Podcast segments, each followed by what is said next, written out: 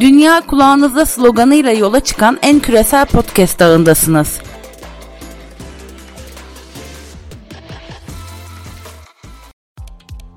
Sevgili Balkan Pod dinleyicileri, bugün Türkiye ve Yunanistan arasındaki ilişkilerden biraz bahsedip Yunanistan'dan bir konuğumun bu çok gergin konuyu çok daha farklı bir açıdan anlatmasını isteyeceğim. 7 Temmuz 2019'da Yunanistan'da yapılan seçimler sonucunda Türkiye ile göreceli olarak iyi ilişkileri olan Siriza hükümeti görevi muhafazakar ve neoliberal bir parti programına sahip olan Yeni Demokrasi'ye devretti. Parti lideri Mitsotakis'in seçim öncesi vaatleri şu şekildeydi. Özelleştirmeleri hızlandırmak, vergileri düşürmek, orta gelir grubunun yükünü azaltmak, işsizlikle mücadele etmekti. Ekonomik kriz nedeniyle Siriza hükümetinin uyguladığı ağır tasarruf politikalarından yorulan halk, Yeni Demokrasi Partisi'nin bu seçim programına destek verdi. Örneğin ekonomik krizde biraz olsun iyileşme sağlansa da Çipras hükümetinin üst üste getirdiği vergiler yatırımcıları uzaklaştırmıştı ve dar gelirli vatandaşları daha da zora düşürmüştü. Ayrıca Mitsotakis'in işine gelen bir diğer konu da Makedonya meselesiydi. Makedonya ile yapılan isim anlaşması Siriza hükümetine çok ciddi zarar verdi. Yeni demokrasi lideri Mitsotakis, Makedonya meselesini milli bir mesele olarak sunmuş ve oldukça sert bir dil kullanmıştı. Bu sert dil akıllara şu soruyu getirdi. Peki Türkiye ile ilişkiler nasıl ilerleyecek? Çünkü Türkiye ve Yunanistan arasında yıllardır çözülemeyen sorunlar mevcut. Azınlıkların eğitiminden Ege'ye, Doğu Akdeniz'den Kıbrıs adasına, dini özgürlüklere kadar sıralanabilir bir sürü sorun. Aslında Yunanistan iç ve dış siyasetinde Türkiye ile ilişkiler hep öncelikli konular arasında olmuştur. Mitsotakis'in göreve gelir gelmez Güney Kıbrıs Rum yönetimi ziyareti sırasında yaptığı ilk açıklama Türk askerinin Kıbrıs'taki sözde işgalini sona erdirmek ve Türkiye ile ilişkilerde geleneksel Yunan dış politika tutumunu sürdürmek olmuştur. İki ülke arasındaki ilişkilerin gerileceği yönündeki ilk sinyali vermiştir. Yunanistan'da iktidar değişiminin Akdeniz'de yaşanan sıcak gelişmelere denk gelmesi Türk-Yunan ilişkileri açısından kritik bir dönem olarak nitelendirilebilir. Çünkü Yunanistan Türkiye'nin Doğu Akdeniz'deki faaliyetlerini yasa dışı olarak değerlendirmektedir. Biliyorsunuz ki Doğu Akdeniz meselesi aslında 2000'li yıllarda deniz altında bulunmaya başlayan ve Avrupa'nın Rusya'ya bağımlılığını bir nebze olsun gidereceği düşünülen doğal gaz kaynaklarıyla başladı. Henüz bu kaynakların miktarının ne kadar olduğu bilinmemektedir. Fakat bu gaz rezervinin deniz altından çıkarma maliyeti ve ülkelere hangi yol ve araçlarla ulaştırılacağı tartışma konusudur. Akdeniz'in ortasında Kıbrıs gibi henüz çözülememiş bir konunun da olması Doğu Akdeniz meselesini daha da karmaşık hale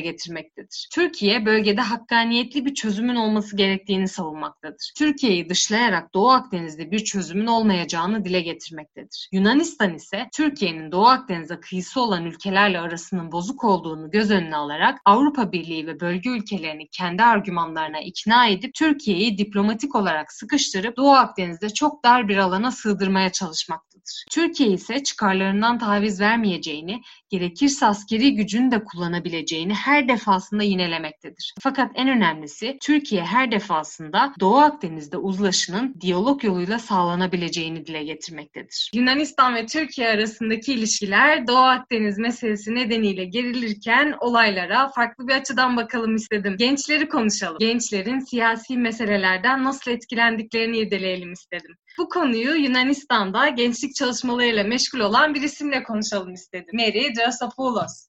Balkan Pot'a hoş geldin sevgili Drasopoulos. Hoş bulduk Dilek Hanım ve davetiyet için çok teşekkür ediyorum. Ben teşekkür ediyorum. Başlangıçta isterseniz bize kendinizden kısaca bir bahsedin. Gençlik çalışmaları bağlamında neler yaptınız, neler yapmaktasınız, akademik ilgi alanlarınız bunları biraz öğrenelim isterseniz sevgili Meri. Ben akademisyenim aslında ama aynı zamanda gençlik eğitmeni olarak çalışıyorum yıllarca. E, dünyanın farklı yerlerinde çalıştım. Mesela eskiden Suriye, Ürdün, Ürdün'de bile çalıştım. Türkiye, Balkanlarda ve son iki yılda ben Kosova'daydım. Orada gençlerle çalıştım beraber. Kosova çok güzel bir tecrübe, çok daha kreatif bir şey. Aynı zamanda ben araştırma yapıyorum, makaleler yazıyorum. Yani makaleler gençlik katılımı, gençlik politikası ya da ilgili.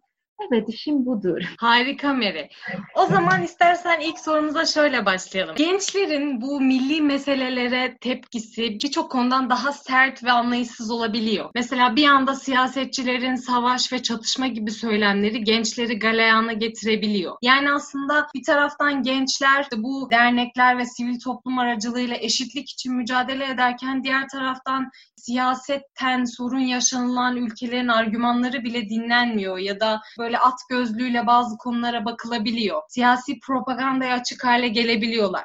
Sen gençlerin propagandaya açık hale gelmesini nasıl değerlendirebilirsin? Ya da böyle bir şey olduğunu düşünüyor musun? Sence gençler daha sakin ve anlayışlı mı değerlendiriyorlar sorunları? Ben şöyle diyeceğim. Biliyorsunuz Hanım ben o kadar romantik değilim. Çünkü araştırmalara göre ben şöyle görüyorum ki gençler ne yazık ki gittikçe daha çok radikal oluyormuş. Yani İngiltere'de ve Amerika'da yapılan son araştırmalara göre özellikle internet üzerinde gençler daha çok radikalleşiyor. Ama bu nereden kaynaklanıyor aslında? İlk olarak dediğiniz gibi propaganda, böyle aşırı şovenizm var ve gençler biliyorsunuz bu negatif etkileri alarak böyle bazen ya hiç ilgilenmiyorlar siyasetle, gündemle. Böyle diyorlar ki arkalarını dönüyorlar ve diyorlar ben artık ilgilenmek istemiyorum. Çünkü o kadar çok büyük bir hayal kırıklığına uğradım ki yani sizi bilmek bile istemiyorum. Ya da tam tersi oluyor. Gençler daha çok radikal oluyorlar. Şimdi tabii ki internetin tepkisi çok çok büyüktür. Çünkü biliyorsunuz bazen interneti böyle sanal dünya olmasına rağmen biz gerçek dünya olduğunu zannediyoruz. Ve orada şebekeleşmek daha kolay oluyor. Bazen biz kendimizi ifade ediyoruz orada. Daha serbestçe zannediyoruz. Kimliğimizi saklıyoruz ya da sakladığımızı zannediyoruz. Bunun için bazen biliyorsunuz nefret ve radikalizasyon çok kolay oluyor. Ben şöyle görüyorum artık gençler daha radikal oluyor. Biliyorsunuz bazen her problem için geçen nesilleri suçluyoruz. Diyoruz ki analarımız, babalarımız bunu yanlış yapmışlar. Ama ben şöyle demek istiyorum. Bence gençler büyük şeyler yapabilirler. Ama şöyle bir problem var. Zaten siz de böyle SDK'lardan bahset, bahsetmişsiniz. Biliyorsunuz ilk olarak sivil, sivil toplum örgütleri bir araya gelip beraber çalışmaları. Ben şimdi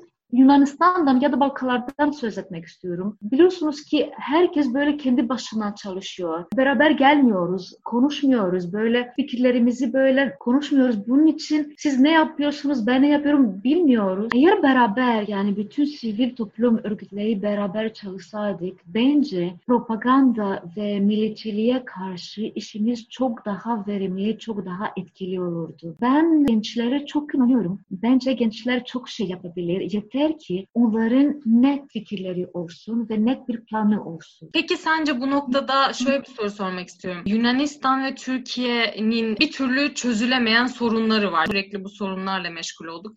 Sence Türkiye ile artan bu politik krizlerin çözümünde Yunan gençlerinin rolünü nasıl değerlendirebilirsin? Yani oradan bir göz olarak, Yunanistan'da yaşayan bir insan olarak sence Yunan gençleri de somut adımlar atıyorlar mı? Gerçekten ilişkilerin anlayışlı, barışçıl ve hakka hakkaniyetli çözümlerle sürdürülmesi için gençler bu tarz sorunların çözümünde bir aktör olabilirler mi? Olabilirler ama şu an şöyle bir şey var. İlk olarak şöyle düşünün Dilek Hanım. Medyadan gelen Türkiye imajı çok negatif bir imaj. Fragmanlı bir imajdır. Tamam mı? Yani her zaman kriz, e, kötü ekonomi, savaşlar, çatışmalar yani böyle haberler geliyorlar. Demek ki buradakiler korkuyorlar ve gittikçe bu korku daha büyük oluyor. Şimdi siz de düşünün. Yani korktuğunuz bir şeyle uğraşmak ister misin? Gençler bazen ben Yunanlılarla konuşuyorum ve diyorum ki Türkiye güzel bir ülke ve aslında Türk halkı bizi seviyor. Yani siyaset hariç tamam çünkü siyaset siyasettir yani diplomasidir bu ayrı. Ama halk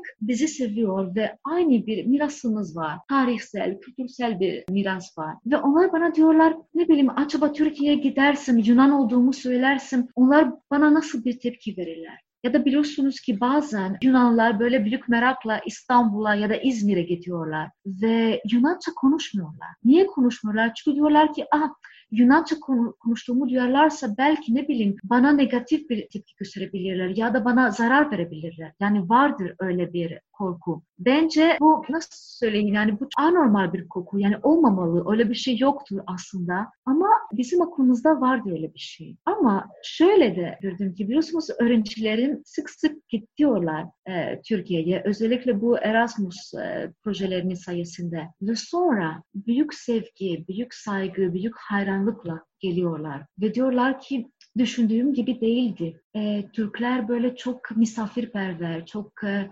dürüst, çok güzel insanlardır ve aslında bizi seviyorlar. Bize ne kadar güzel davranışlar ki. Yani çok farklı bir imaj var. Yani bu korku sonra sevgi oluyor. İki ülke toplumlarının birbiriyle etkileşimi arttırması aslında bu zihinlerdeki o kalıplaşmış korkuları da ortadan kaldırabilen bir şey. Evet ve biliyorsunuz bu tarihten başlıyor. Yani okuldan başlıyor. Size bir örnek vereyim.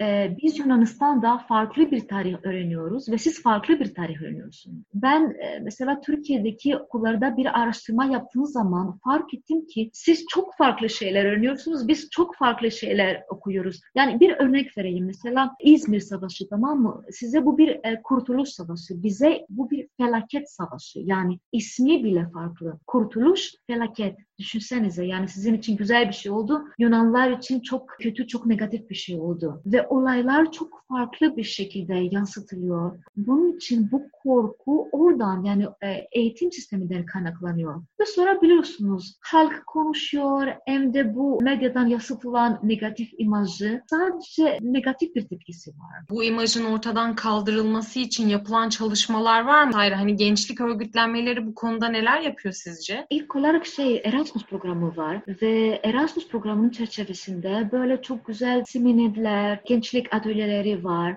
Ayrıca Avrupa Konseyi Nefrete Hayır Söylemi kampanyasını başlamıştı ve bu kampanya hala devam ediliyor. Böyle ki bu da çok önemli bir şey çünkü biliyorsunuz bu online bir harekettir. Ayrıca sonra küçük böyle inisiyatifler var. Maalesef ne yazık ki böyle e, bir bilateral program yok ki aramızda. Sadece Türk-Yunan, Yunan-Türk bir program olsaydı bence bu çok faydalı olurdu ikimiz için de. Ama şimdiye kadar yok öyle bir şey. Peki bir şey sormak istiyorum. Hani demin dediniz ya gençler aslında siyasette rol almaktan biraz çekiniyor. Bunun sebebi hı hı. politikacıların gençlerin isteklerini dikkate almaması mı? Sizce politikacılar gençlerin istekleriyle ilgileniyorlar mı? Yani Türk ve Yunan gençlerinin diyalog kanallarını açmak konusunda politikacılara yardımcı olabilmek için hangi şartlara ihtiyaçları var? İlk olarak e, gençlere daha çok büyük inisiyatif verilmeli. Mesela size bir örnek vereceğim. Ben Türkiye'de 2013-14 yıllarında yaşam, e, yaşamıştım. Çok güzel bir örnek aldım orada. Biliyorsunuz gençlik merkezleri var Türkiye'de. Hem de çok güzel, çok modern. Biliyorsunuz Yunanistan'da yok öyle bir şey. Düşünsenize Selanik çok büyük büyük bir şey. Ben Selanik'te yaşıyorum. Bir gençlik merkezi yok. Bazen böyle küçük merkezler o da biliyorsunuz mesela kitap, sanatçı gibi ya da tiyatro gibi böyle küçük yerler vardır ama çok eski şartlarda hiç uygun değil. Yani Türkiye'deki gençlik merkezleri gibi bir şey yok Yunanistan'da. Ayrıca gençlik konseyi de yoktu eskiden. Şimdi iki yıldır belediyede böyle bir gençlik konseyi başlamış. Bu da çok güzel bir hareket. Ama düşünsenize eskiden gençler mesela onlara çok güzel bir fikri olabilirdi ama bunu değerlendirmek mümkün değildi ya da bunu yayınmak mümkün değildi. Bunun için bence biz öyle konularda Türkiye'den çok güzel örnekler alabiliriz. Sizce bu sorunlar geleceğimiz için çözülebilecek sorunlar mı? Size bir örnek vermek istiyorum. Biliyorsunuz Yunanistan ve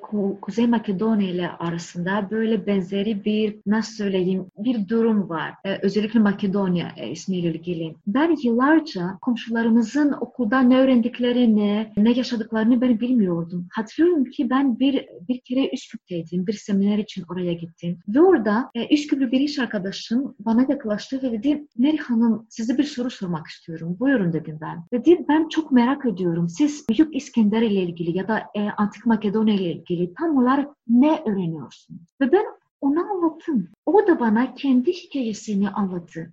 Ve ben o zaman anladım ki bu insanlar aslında bize karşı nasıl söyleyeyim agresif ya da negatif ya da öyle değiller. Sadece farklı bir tarih öğreniyorlar. Ne demek istiyorum? Birbirimize ziyaret etmemiz lazım. Yani canlı bir yere gitmezsen o zaman anlayamayacaksın. İnsanlarla konuşmazsan, böyle aynı sofrada oturup yemek yemezsen o zaman anlaşamayacaksın. Ee, benim için bu temas çok önemlidir ve inşallah gelecekte daha çok ortak projelerimiz olur. Bence bu çok faydalı olur. Çok teşekkür ediyorum. Da dediğin gibi aslında hepimizin ortak tarihi, ortak yiyecekleri var. Bir kere baklavamız var değil mi? Aynen. Kesinlikle. Sevgili Meri'ye Balkan Pod yayınına katıldığı için çok teşekkür ediyorum. Diğer yayınlarda görüşmek üzere sevgili Balkan Pod dinleyicileri. Ne diyoruz? Balkan Pod'da kalın, gündemde kalın.